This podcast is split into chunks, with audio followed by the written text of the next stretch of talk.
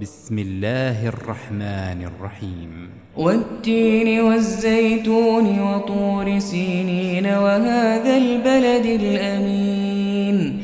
لقد خلقنا الإنسان في أحسن تقويم. ثم رددناه أسفل سافلين إلا الذين آمنوا إلا الذين آمنوا